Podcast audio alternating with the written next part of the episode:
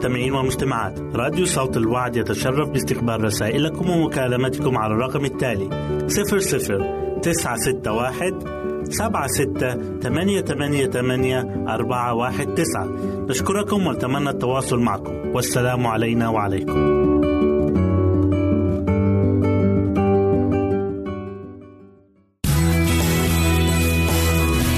يمكنك استماع وتحميل برامجنا من موقعنا على الإنترنت. www.awr.org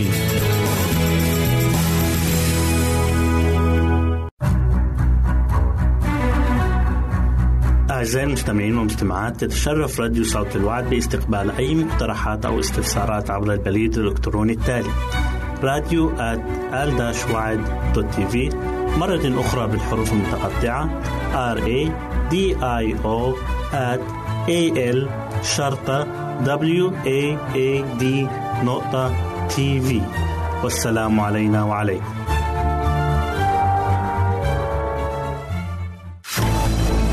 أعزائي المستمعين والمستمعات راديو صوت الوعد لا يكتفي بخدمتكم عبر الموجات الصوتية فقط بل وإنه يطرح لكم موقعا إلكترونيا يمكنكم من خلاله مشاهدة أجمل البرامج الدينية الثقافية الاجتماعية وغيرها من المواضيع الشيقة. يمكنكم زيارة الموقع من خلال عنوان التالي www.al waad.tv مرة أخرى بالحروف المتقطعة www.al-waad.tv والسلام علينا وعليكم.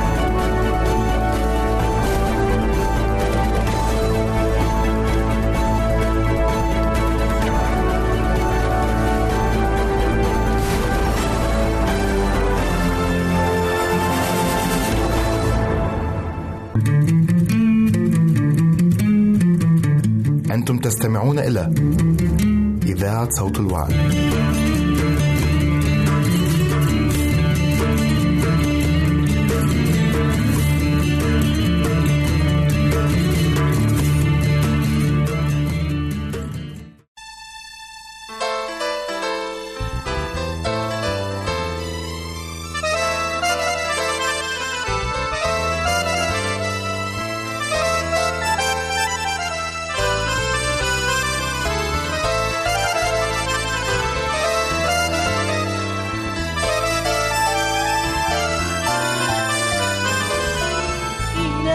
إلهي كن قائدي في مسيرة الصلب إلهي إلهي كن قائدي. في مسيرة الصلب لأقتدي. أراك ضعيفا وأنت القوي تصفح وتغفر لكل معتدي. أراك ضعيفا وأنت القوي. تصفح وتغفر لكل معتدي. افعل بي ما تريد. أنت رفيق.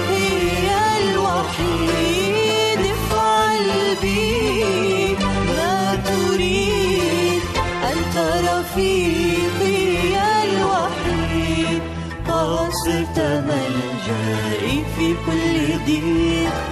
أسرع إليك وأحتمي فيك صرت ملجئي في كل ضيق أسرع إليك وأحتمي فيك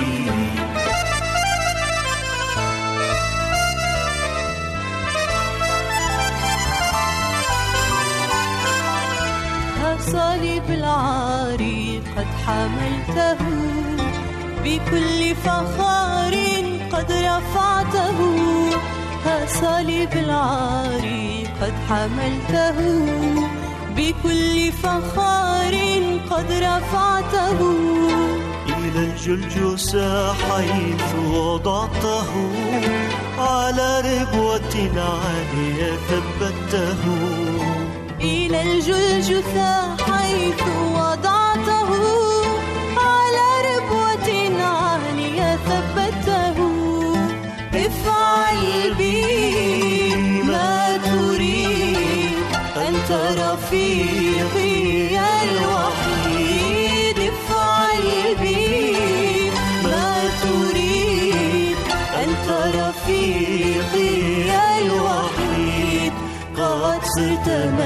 ملجئي في كل ضيق أسرع إليك وأحتمي فيك.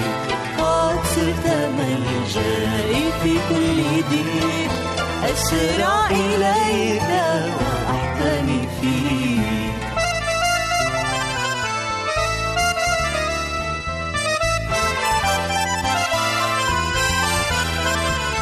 قد وضعت ذاتك على صليب العار مستسلما له بكل إصرار.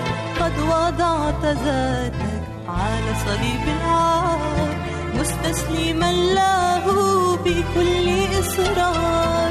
اسمع دقة قلبك مع دقة المسمار. تعلن لي حبك يا قدوس يا بار اسمع دقة قلبك مع دقة المسمار. تعلن لي حبك يا قدوس يا بار. افعل بي ما تريد. أنت رفيقي الوحيد. افعل بي ما تريد. أنت رفيقي الوحيد. صرت ملجئي في كل ضيق أسرع إليك. وأحتمي فيك. قد صرت ملجئي في كل ضيق أسرع إليك. وأحتمي فيك.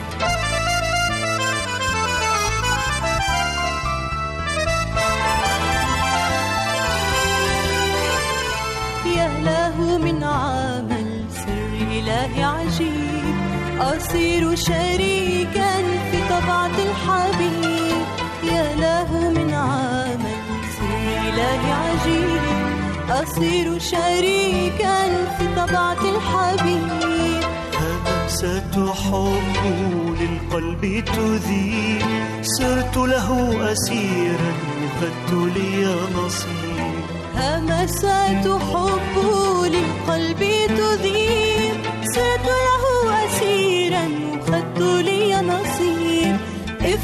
افعل بي ما تريد أنت رفيقي الوحيد افعل بي ما تريد أنت رفيقي الوحيد قاصرت ملجئي في كل ضيق أسرع إليك وأحتمي فيك قد صرت ملجئي في كل ضيق أسرع إليك وأحتمي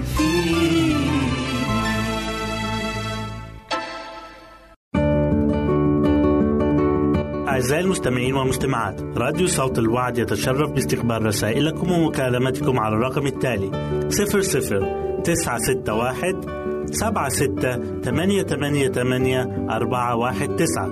نشكركم ونتمنى التواصل معكم. والسلام علينا وعليكم.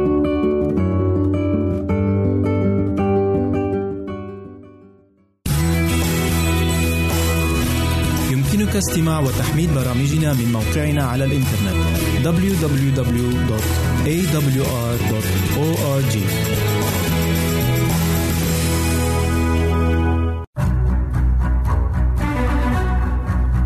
أعزائي المستمعين والمستمعات تتشرف راديو صوت الوعد باستقبال أي مقترحات أو استفسارات عبر البريد الإلكتروني التالي راديو تي في مرة أخرى بالحروف المتقطعة R A اي أو at a l شرطة w a a d نقطة تي في والسلام علينا وعليكم.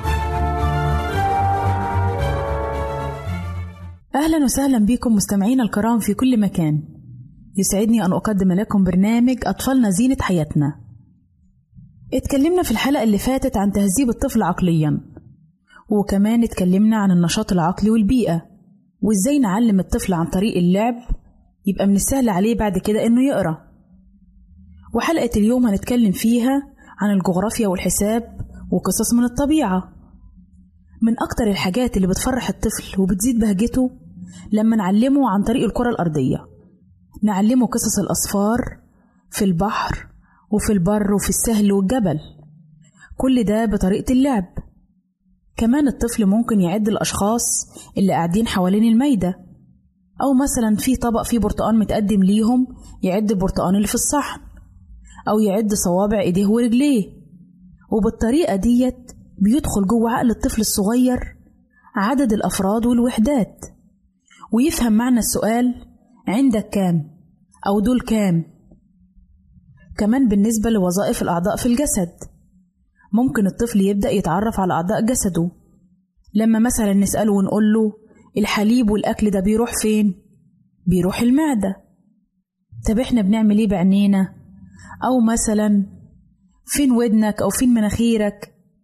كل الأسئلة البسيطة ديت بتعلمه كتير جدا عن وظائف أعضاء جسمه. وبتخليه يكتسب معلومات كتير. معلومات بتطبع في عقله ما ينساهاش أبدا لأنه اتعلمها في سن صغير.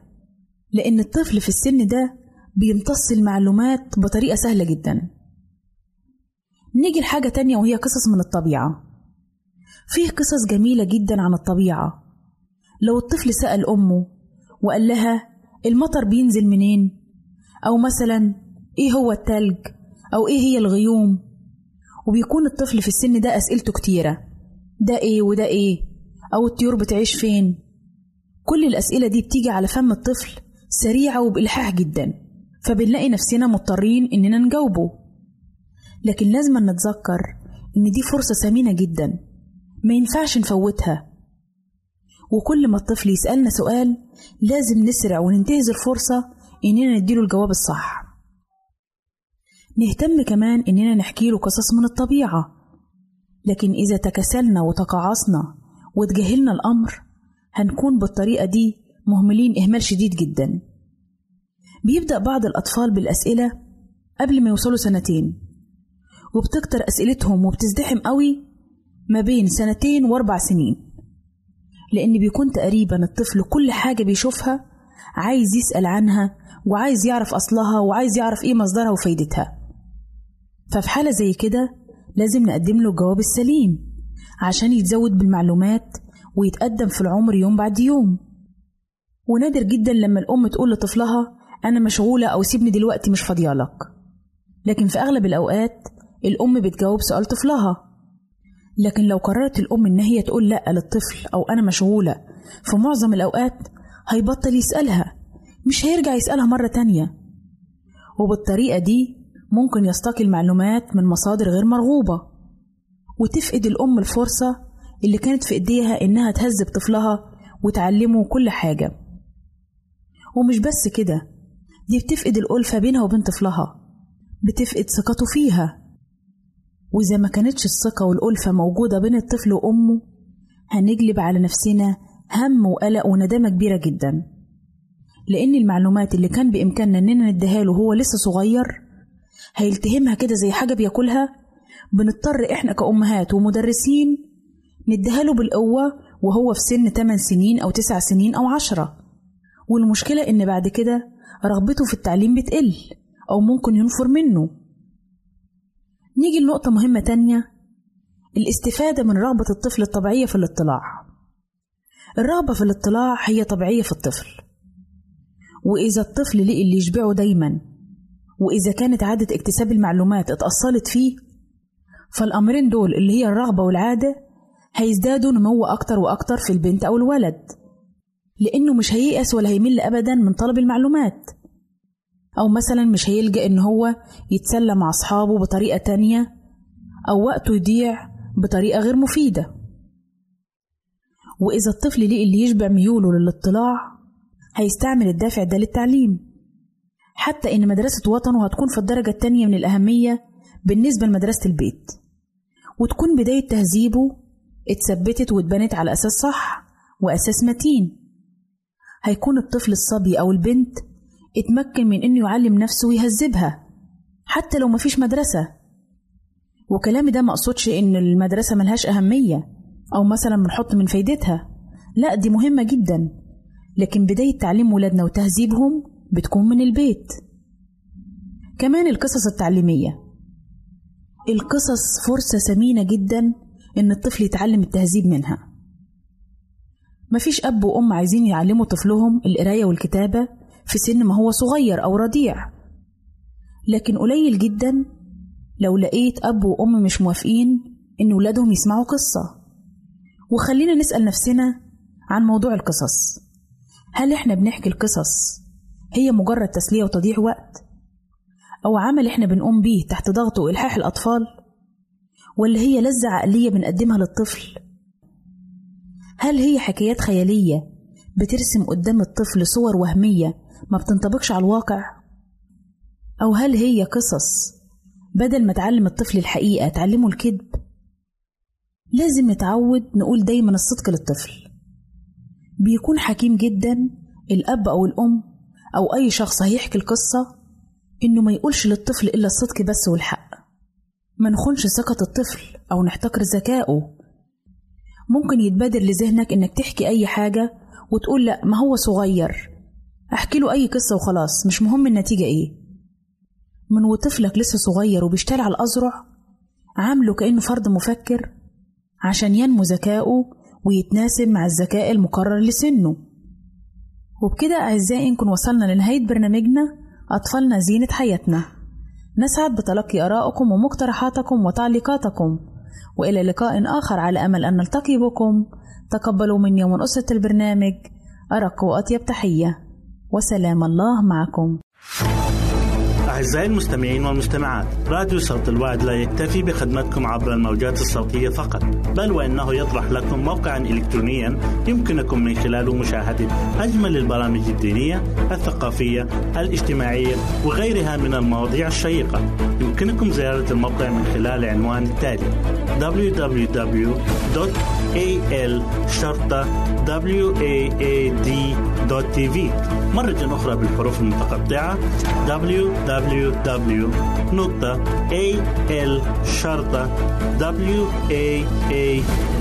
www.al-waad.tv والسلام علينا وعليكم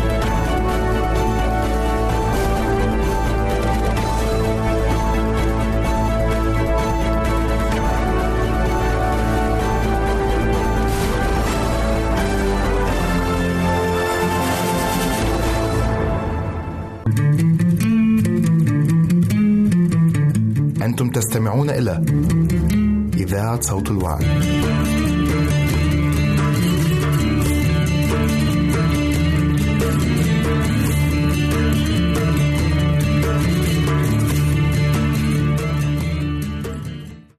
فأخذوا يسوع وعروه وألبسوه رداء قرمزيا وضفروا اكليلا من شوك ووضعوه على رأسه وكانوا يشفون له ويستهزئون به.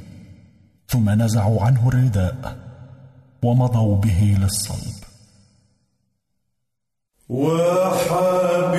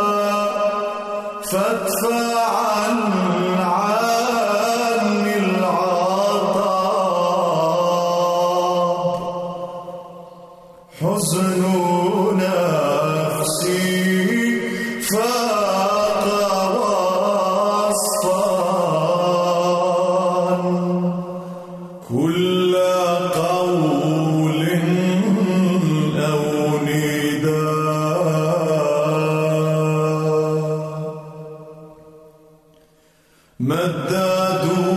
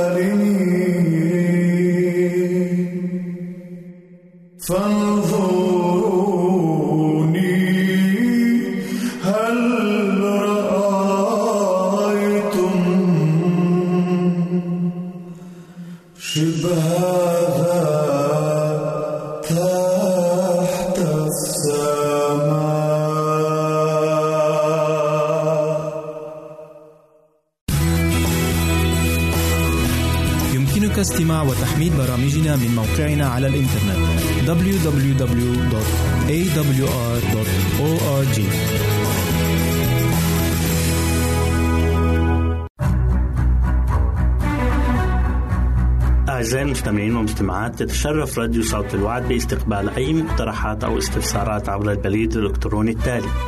راديو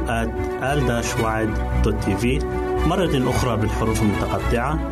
R A D I O A L شرطة W A A D نقطة TV والسلام علينا وعليكم.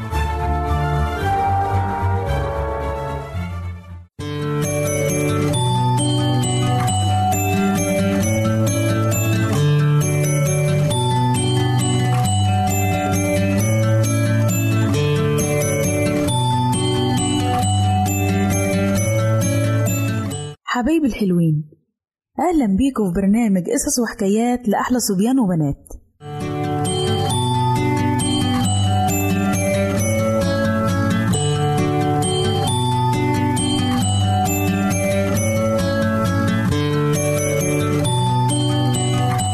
قصتنا النهاردة عن السمك الأعمى. في بلاد كوريا وهي بتقع في الشمال الشرقي من قارة آسيا نهر بيجري داخل خلجانها تحت الأرض. ومفيش حد عارف مصدره أو مصبه. وده أمر غريب جدا. لكن اللي أغرب من كده إن فيه سمك بيعيش في ميته. ومحدش عارف السمك وصل لهناك إزاي أو إزاي عايش لأن مياه النهر سودة. السمك في النهر ده بيشبه السمك اللي بيعيش في الأنهار التانية لكن بيختلف عنه في أمر مهم جدا. وهو إن له عيون لكن مش بيشوف. والسمك ده فقد حاسة النظر وما بقيش ليه إلا هيئة العيون بس. في ناس بتقول إن السمك فقد حاسة البصر لأنه عاش مدة طويلة جدا في ظلام ومفيش أي نهار. وده يبين لنا يا ولاد إننا لو ما استخدمناش العطايا والهبات اللي بيديها لنا ربنا ممكن في يوم من الأيام نفقدها. زي ما السمك ده كان ليه عيون لكن فقدها بسبب إنه مش بيستخدمها لأنه عاش في ظلام. وانتوا عارفين طبعا إيه اللي ممكن يحصل للواحد لو قعد فترة طويلة مريض وملازم الفراش. كمان إيه اللي ممكن يحصل لعقلنا لو قعدنا فترة طويلة مش بندرس ولا نقرأ ولا نتعلم من مدرس في الفصل أو نكتب مسائل أو نعمل الواجبات بتاعنا المدرسية. الحاجات دي كلها يا ولاد بتروض العقل وبتنميه. لأننا لو ما عملناش كده دماغنا مش هينمو ومش هيرتقي تفكيرنا ولا عقلنا. والهدف من إننا نروح المدرسة إننا نروض عقلنا ودماغنا. لأننا لو قضينا كل أوقاتنا لعب حوالين البيت أو قدام التلفزيون أو أي حاجة نعملها زي ما بعض الأحيان بنعمل بالطريقة ديت هنكبر جسديا لكن عقلنا مش هينمو. قد إيه هيكون من الجميل جدا والرائع إننا نستعمل مواهبنا. يعني مثلا لو أنت بتروح الجيم أو الصالة الرياضية وبتعمل تمارين لعضلات دراعك وبقيت جسمك أكيد هيكون جسمك قوي ورياضي وتقدر تشيل أي حاجة تقيلة. ومش بس هتقدر تعمل كده لكن هيكون عندك صبر في العمل الشاق أو العمل الصعب زي مثلا خدمة ربنا أو خدمة الناس اللي حواليك أو لو حد طلب منك أي مساعدة هيكون عندك روح كويسة وحلوة. كمان مهم إننا نمرن عيوننا إنها تبص للحاجات الكويسة. وودنا إنها تسمع الحاجات الكويسة بس. وكمان نمرن عقلنا باجتهادنا في الدراسة بتاعتنا. يكون عندنا وعي وإصغاء واهتمام. وبالطريقة دي مفيش حاجة هتعوق التقدم بتاعنا. لأن الرجال والنساء العظماء المشهورين جدا كانوا شباب وكانوا أطفال الأول زينا. لكن روضوا عقولهم واستعملوها واستخدموا المواهب اللي الله اداها لهم لغاية ما وصلوا للي هم عايزينه. كمان فيه أمر مهم جدا. إذا ما استعملناهوش هنخسر خسارة كبيرة جدا. لكن إذا استعملناه هنجلب على أنفسنا وعلى غيرنا بركات كتير. وأقصد بالكلام ده الضمير. لأن الضمير هو اللي بيخلي عندي رغبة إن أنا أعمل أشياء صالحة وبيخلي عندي اشتياق دائم إن أنا أرضي ربنا. والهبة دي موجودة في كل واحد منا. لكن البعض منا بيستعملها وبيصبح إنسان صالح. وللأسف في ناس تانية مش بتستعمل ضميرها. بنقول عليهم إن ضميرهم مخدر يعني مش بيستعملوه. والناس اللي ما بيكونش عندهم ضمير ما بيكونش عندهم محبة ما بيحبوش الخير لغيرهم ما بيكونش كمان عندهم تمييز إنهم يميزوا بين الخير والشر أو الصالح والطالح. وبسهولة جدا يعملوا خطايا وأخطاء كتير. وده لأنهم ما استعملوش الهبة اللي الله اداها لهم. بالظبط زي ما السمك ده خسر عينيه بسبب إنه كان عايش في ظلمة مستمرة. لكن ممكن حد يسأل ويقول إزاي أنمي الموهبة اللي عندي؟ أو إزاي يكون عندي ضمير؟ الأمر بسيط جدا. لو قرينا في كلمة ربنا كل يوم واتكلمنا مع الله من خلال الصلاة وكمان نشهد عن الله وأعماله الصالحة ونقوم بعمل صالح. ولو مرة واحدة في اليوم هتلاقي إن الموهبة بتاعتك بتتقوى تدريجيا. ومش كده وبس ده هيكون عندك تمييز بسهولة بين الخير والشر. هتقدر تشوف محبة الله ليك وللعالم. هتقدر تعرف ربنا عايز منك إيه. ودلوقتي يا حبايبي يا ريت نرجع لنفسنا. ولو حد طلب منا أي حاجة نعملها لازم نعملها بضمير. لازم نعملها بأفضل ما يمكن. لأننا لو كنا أمنا في الحاجات البسيطة والصغيرة وبنعملها بإتقان لما حد يطلب مننا حاجة كبيرة لما نكبر هيكون عندنا نفس الإحساس والشعور. احذروا يا ولاد إننا ممكن نفقد ضميرنا وده هيكون خطية كبيرة جدا قدام ربنا. يا ريت نصلي لربنا ونقول يا رب ورينا أنت عايز تعمل في حياتنا إيه. ساعدنا إن إحنا يكون عندنا ضمير في كل حاجة بتطلب منا نعملها. وبكده حبايبي نكون وصلنا لنهاية قصتنا. واستنونا في قصة جديدة من برنامج قصص وحكايات لأحلى صبيان وبنات. ربنا معاكم.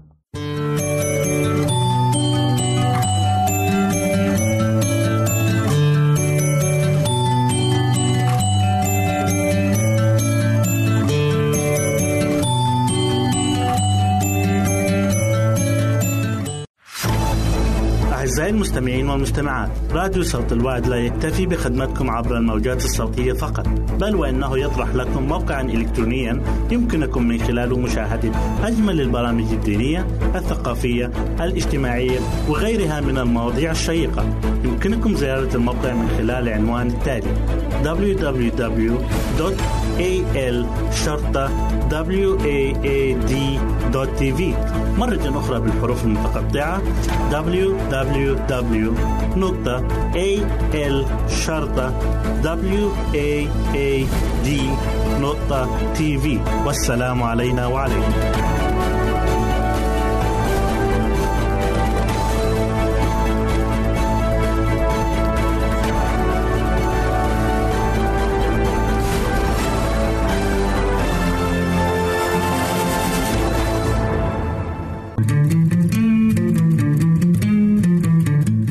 تستمعون إلى إذاعة صوت الوعد.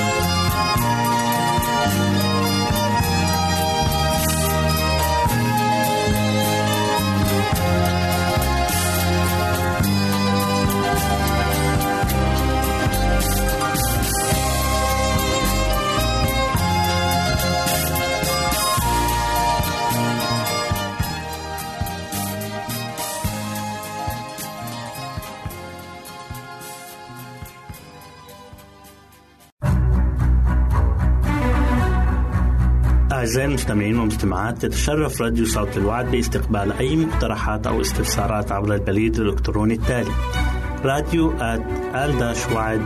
TV مرة أخرى بالحروف المتقطعة R A D I O A L شرطة W A A D نقطة TV والسلام علينا وعليكم.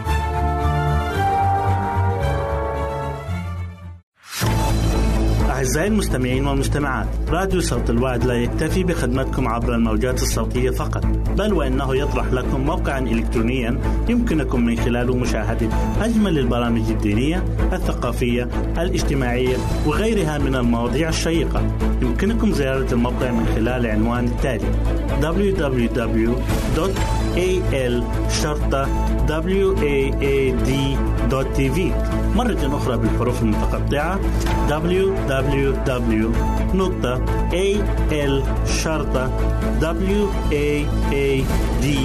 www.al-waad.tv والسلام علينا وعليكم.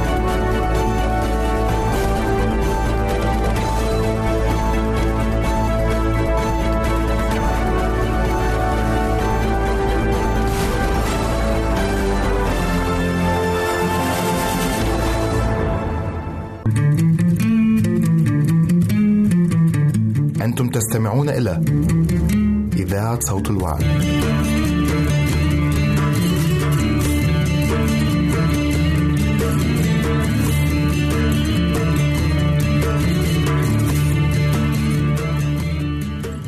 نرحب بك عزيزي المستمع إلى هذا البرنامج بيتي جنتي مع الدكتورة منى الكاتبة والمحاضرة الذائعة الصيت وحلقة اليوم بعنوان الصلاة المستجابة لا شيء يؤثر في الملحد ويحوله إلى مؤمن أكثر من اختبار ينم عن استجابة الصلاة.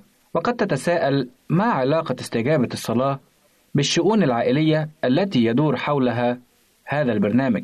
حسنا فالأطفال يتعلمون عن الله من والديهم وعندما يرون المعجزات تحدث في حياتهم يتقوى إيمانهم ويتشدد. وتخبرنا الدكتورة منى الآن عن كيفية حدوث ذلك من خلال قصة واقعية.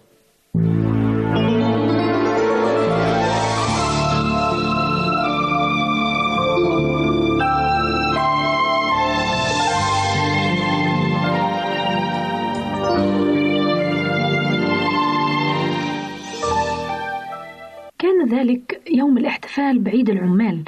فظننت الفرصة مواتية لاصطحاب أفراد عائلتي في رحلة إلى جبل سيناء كي نتسلقه. فطالما كنت أتطلع إلى فرصة أتسلق فيها هذا الجبل الشاهق الارتفاع والذي أنزل عليه الله الشريعة وسلمها لموسى. وصلنا إلى سيناء متأخرين فقررنا قضاء الليل عند سفح الجبل حتى نبدأ بتسلقه مع بزوغ شمس النهار. وفي الصباح بدأنا بتسلق الجبل وكنا نستريح كثيرا في طريق صعودنا ولكننا أدركنا ضرورة التقدم بسرعة إذا كنا نريد وصول قمة الجبل قبل انتصاف النهار واشتداد الحرارة.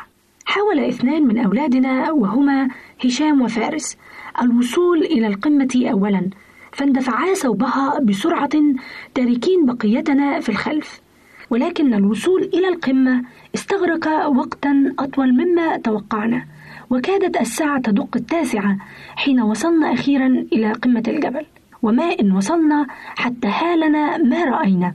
فقد كان هشام ابننا الأكبر يرقد على الأرض لاهث الأنفاس ويشكو من ألم شديد في رأسه وكانت رئتاه تعلو وتهبط طلبا لمزيد من الهواء. وكان توقعنا في محله إذ كان هشام يعاني من مرض العلو. بدأنا في إجراء بعض الإسعافات الأولية له ولكننا سرعان ما اكتشفنا عدم جدوى هذه الطريقة وأنه من الأفضل تركه يستريح قليلا حتى يعتاد هذا العلو الشاهق. ولكن حتى هذه الطريقة التي ظنناها صحيحة كان فيها الموت المحتم لولا أن الله تدخل ووفر لنا العون في حينه. بقينا على قمة الجبل مدة طويلة. وكاد اليوم أن ينتهي ولم نكن نظن أن أحدا آخر فوق الجبل. ولكن رجلا وزوجته كانا قد تسلقا الجبل من طريق آخر ووصلا إلى قمته معنا. نظر الرجل إلى هشام نظرة سريعة ثم قال بحزم إنه مرض الارتفاع وعلينا أن ننزله من فوق الجبل فورا لأنه لو بقي هنا قد يلاقي حتفه المؤكد. لم يقوى هشام على الوقوف على ساقيه المرتعشتين.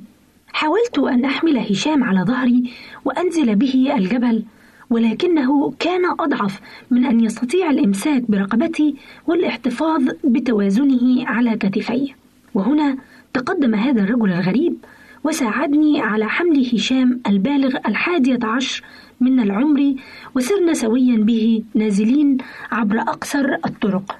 وكنا نظن أننا سنصل إلى سفح الجبل في حوالي ثلاث ساعات وبذلك نأخذه في السيارة عند الغسق ولكن خابت حساباتنا. ففي الوقت الذي أخذ هشام يشعر ببعض التحسن كانت الشمس قد غابت تماما. كان الطريق الذي وصلنا عبره إلى جبل سيناء قد اكتسحته السيول الجارفة ولم تترك منه إلا بقايا لا يكاد المرء يراها في ضوء الشمس. فما بالك الآن؟ وقد انتشر الليل. فكنا نسير على ضوء السيارة ونخطئ الطريق أو بالحري بقايا الطريق عدة مرات. ولم يطل الوقت حتى وجدنا أنفسنا محاطين بالمياه الجارفة من كل جانب. كانت مجموعتنا تتألف من سبعة أشخاص من بينها خمسة أطفال. فقررنا التوقف في بقعة معينة ريثما يستطلع زميلي الطريق أمامنا. على ضوء كشاف يدوي صغير كان معنا وبعد وقت قصير عاد زميلي وهو يحمل أنباء محزنة فلم يكن هناك من مجال للتقدم بالسيارة لأن المياه كانت تعلو أمامنا وتحيط بنا من كل الاتجاهات وإذ شعرنا بعجزنا التام رفعنا صلاة إلى الله طلبا لإنقاذنا وبعد ذلك سرنا بالسيارة متبعين زميلي الذي أمسك بالكشاف في يده. ولكننا كلما تقدمنا كلما تعمقنا أكثر في المياه وفجأة ظهر ضوء خافت أمامنا وكان الضوء ينبعث من خيمة إعرابي نصبها على الجانب المرتفع من الطريق. دلنا هذا الإعرابي إلى شجرة مكسورة كانت ملقاة عبر مجرى المياه. فتركنا السيارة وأخذنا هشام وعبرنا المجرى فوق جذع الشجرة. على ضوء الكشاف اليدوي الخافت الذي كان معنا. وصليت إلى الله حتى لا تتأذى أقدام أي منا. ونحن نعبر هذا الخضم المائي. كانت الساعة التاسعة مساء عندما تجمعنا سالمين في موقف للسيارات كنا قد تركناه منذ اثنتي عشر ساعة مضت. وهناك وجدنا العون الذي نحتاجه لهشام. منذ ذلك الحين أصبح للمزمور 121 معنى جديد لي ولكل من كانوا معي. أرفع عيني إلى الجبال. من أين يأتي عوني؟ من عند الرب. وكلما كنت أقرأ أو أفكر في جبل سيناء بعد ذلك كنت أتذكر الحالة الميؤوس منها التي كنا فيها. والملاكين اللذين أرسلهما الله لنجدتنا. الأول من شخص السائح الغريب فوق جبل سيناء والذي من خلال معرفته وتحركه السريع أنقذ هشام من الموت. والثاني في شخص الإعرابي الذي دلنا على شجرة عبرنا فوقها مجرى الماء فلم نقضي الليل كله وسط برد قارس ومحاطين بمياه هادرة.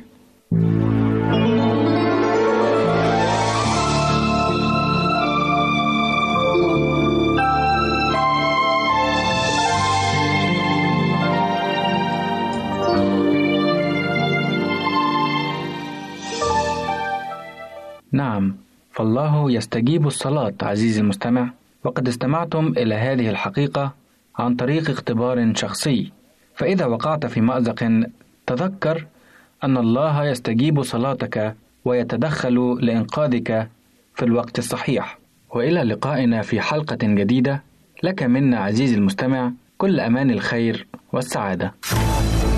أعزائي المستمعين والمستمعات راديو صوت الوعد لا يكتفي بخدمتكم عبر الموجات الصوتية فقط بل وإنه يطرح لكم موقعا إلكترونيا يمكنكم من خلاله مشاهدة أجمل البرامج الدينية الثقافية الاجتماعية وغيرها من المواضيع الشيقة. يمكنكم زيارة الموقع من خلال العنوان التالي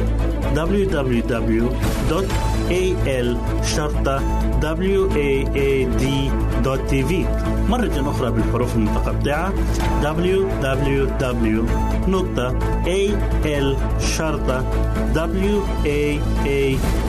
www.al.waad.tv والسلام علينا وعليكم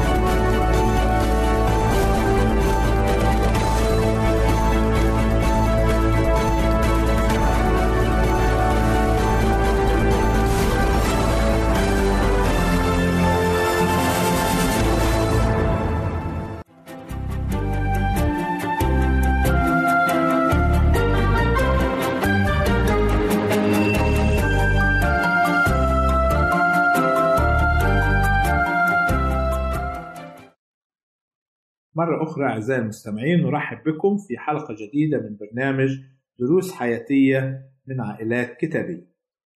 كنا قد تكلمنا سابقا كيف أن إسحاق حفر آبار وأخذ الفلسطينيون بعض هذه الآبار ثم عاد وحفر الآبار أيضا التي كان قد حفرها إبراهيم وردمت.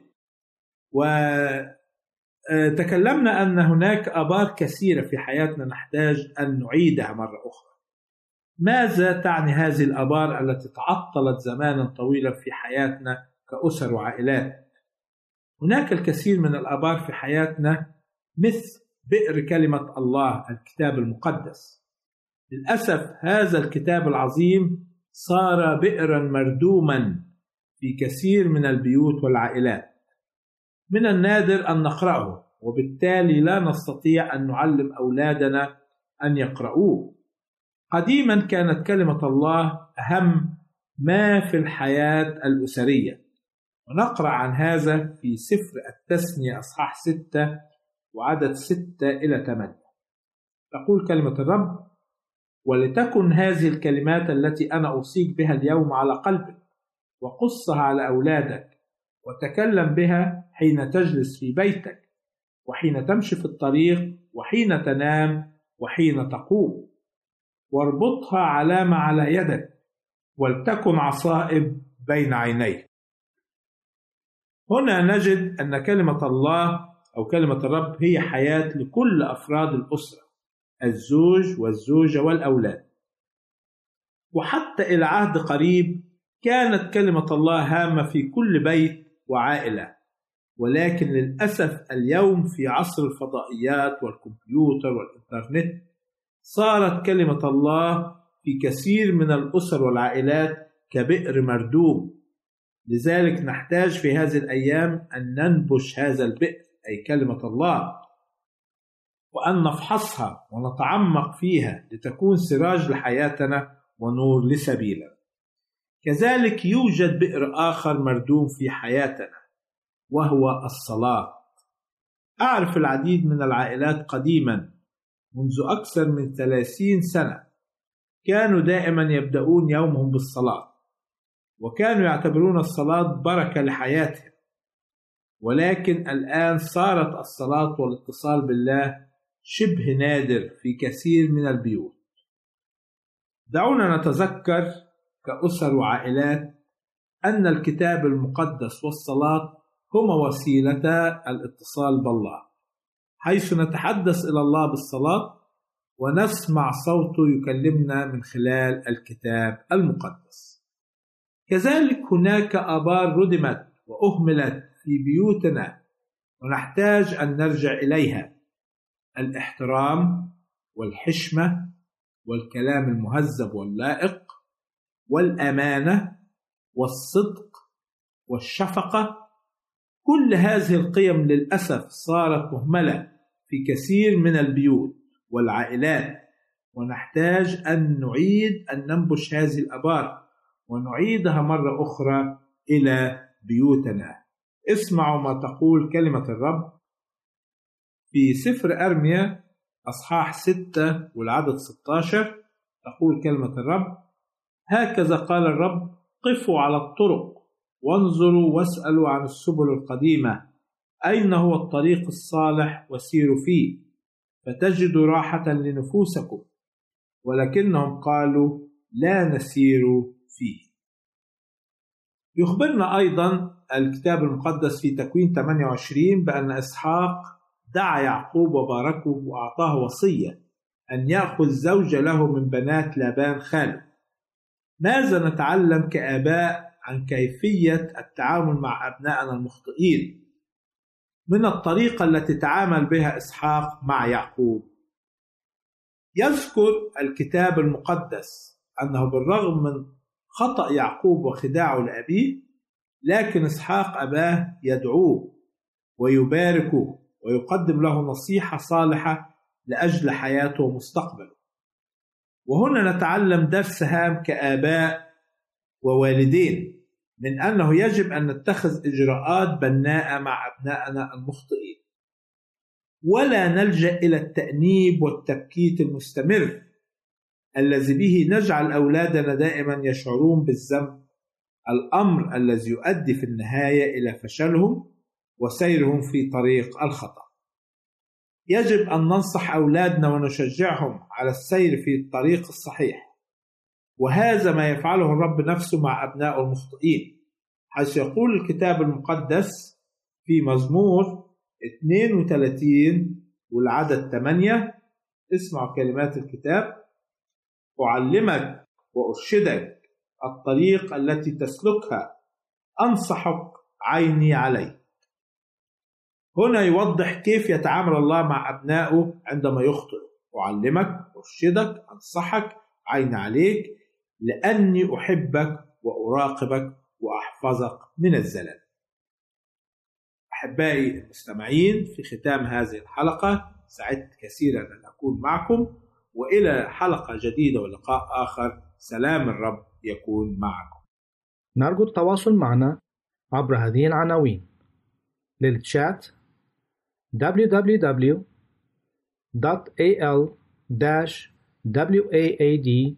www.al-waad.tv وللرسائل radio at al-waad.tv والاتصال عبر الواتساب 961 76 888 419 961 76 888 419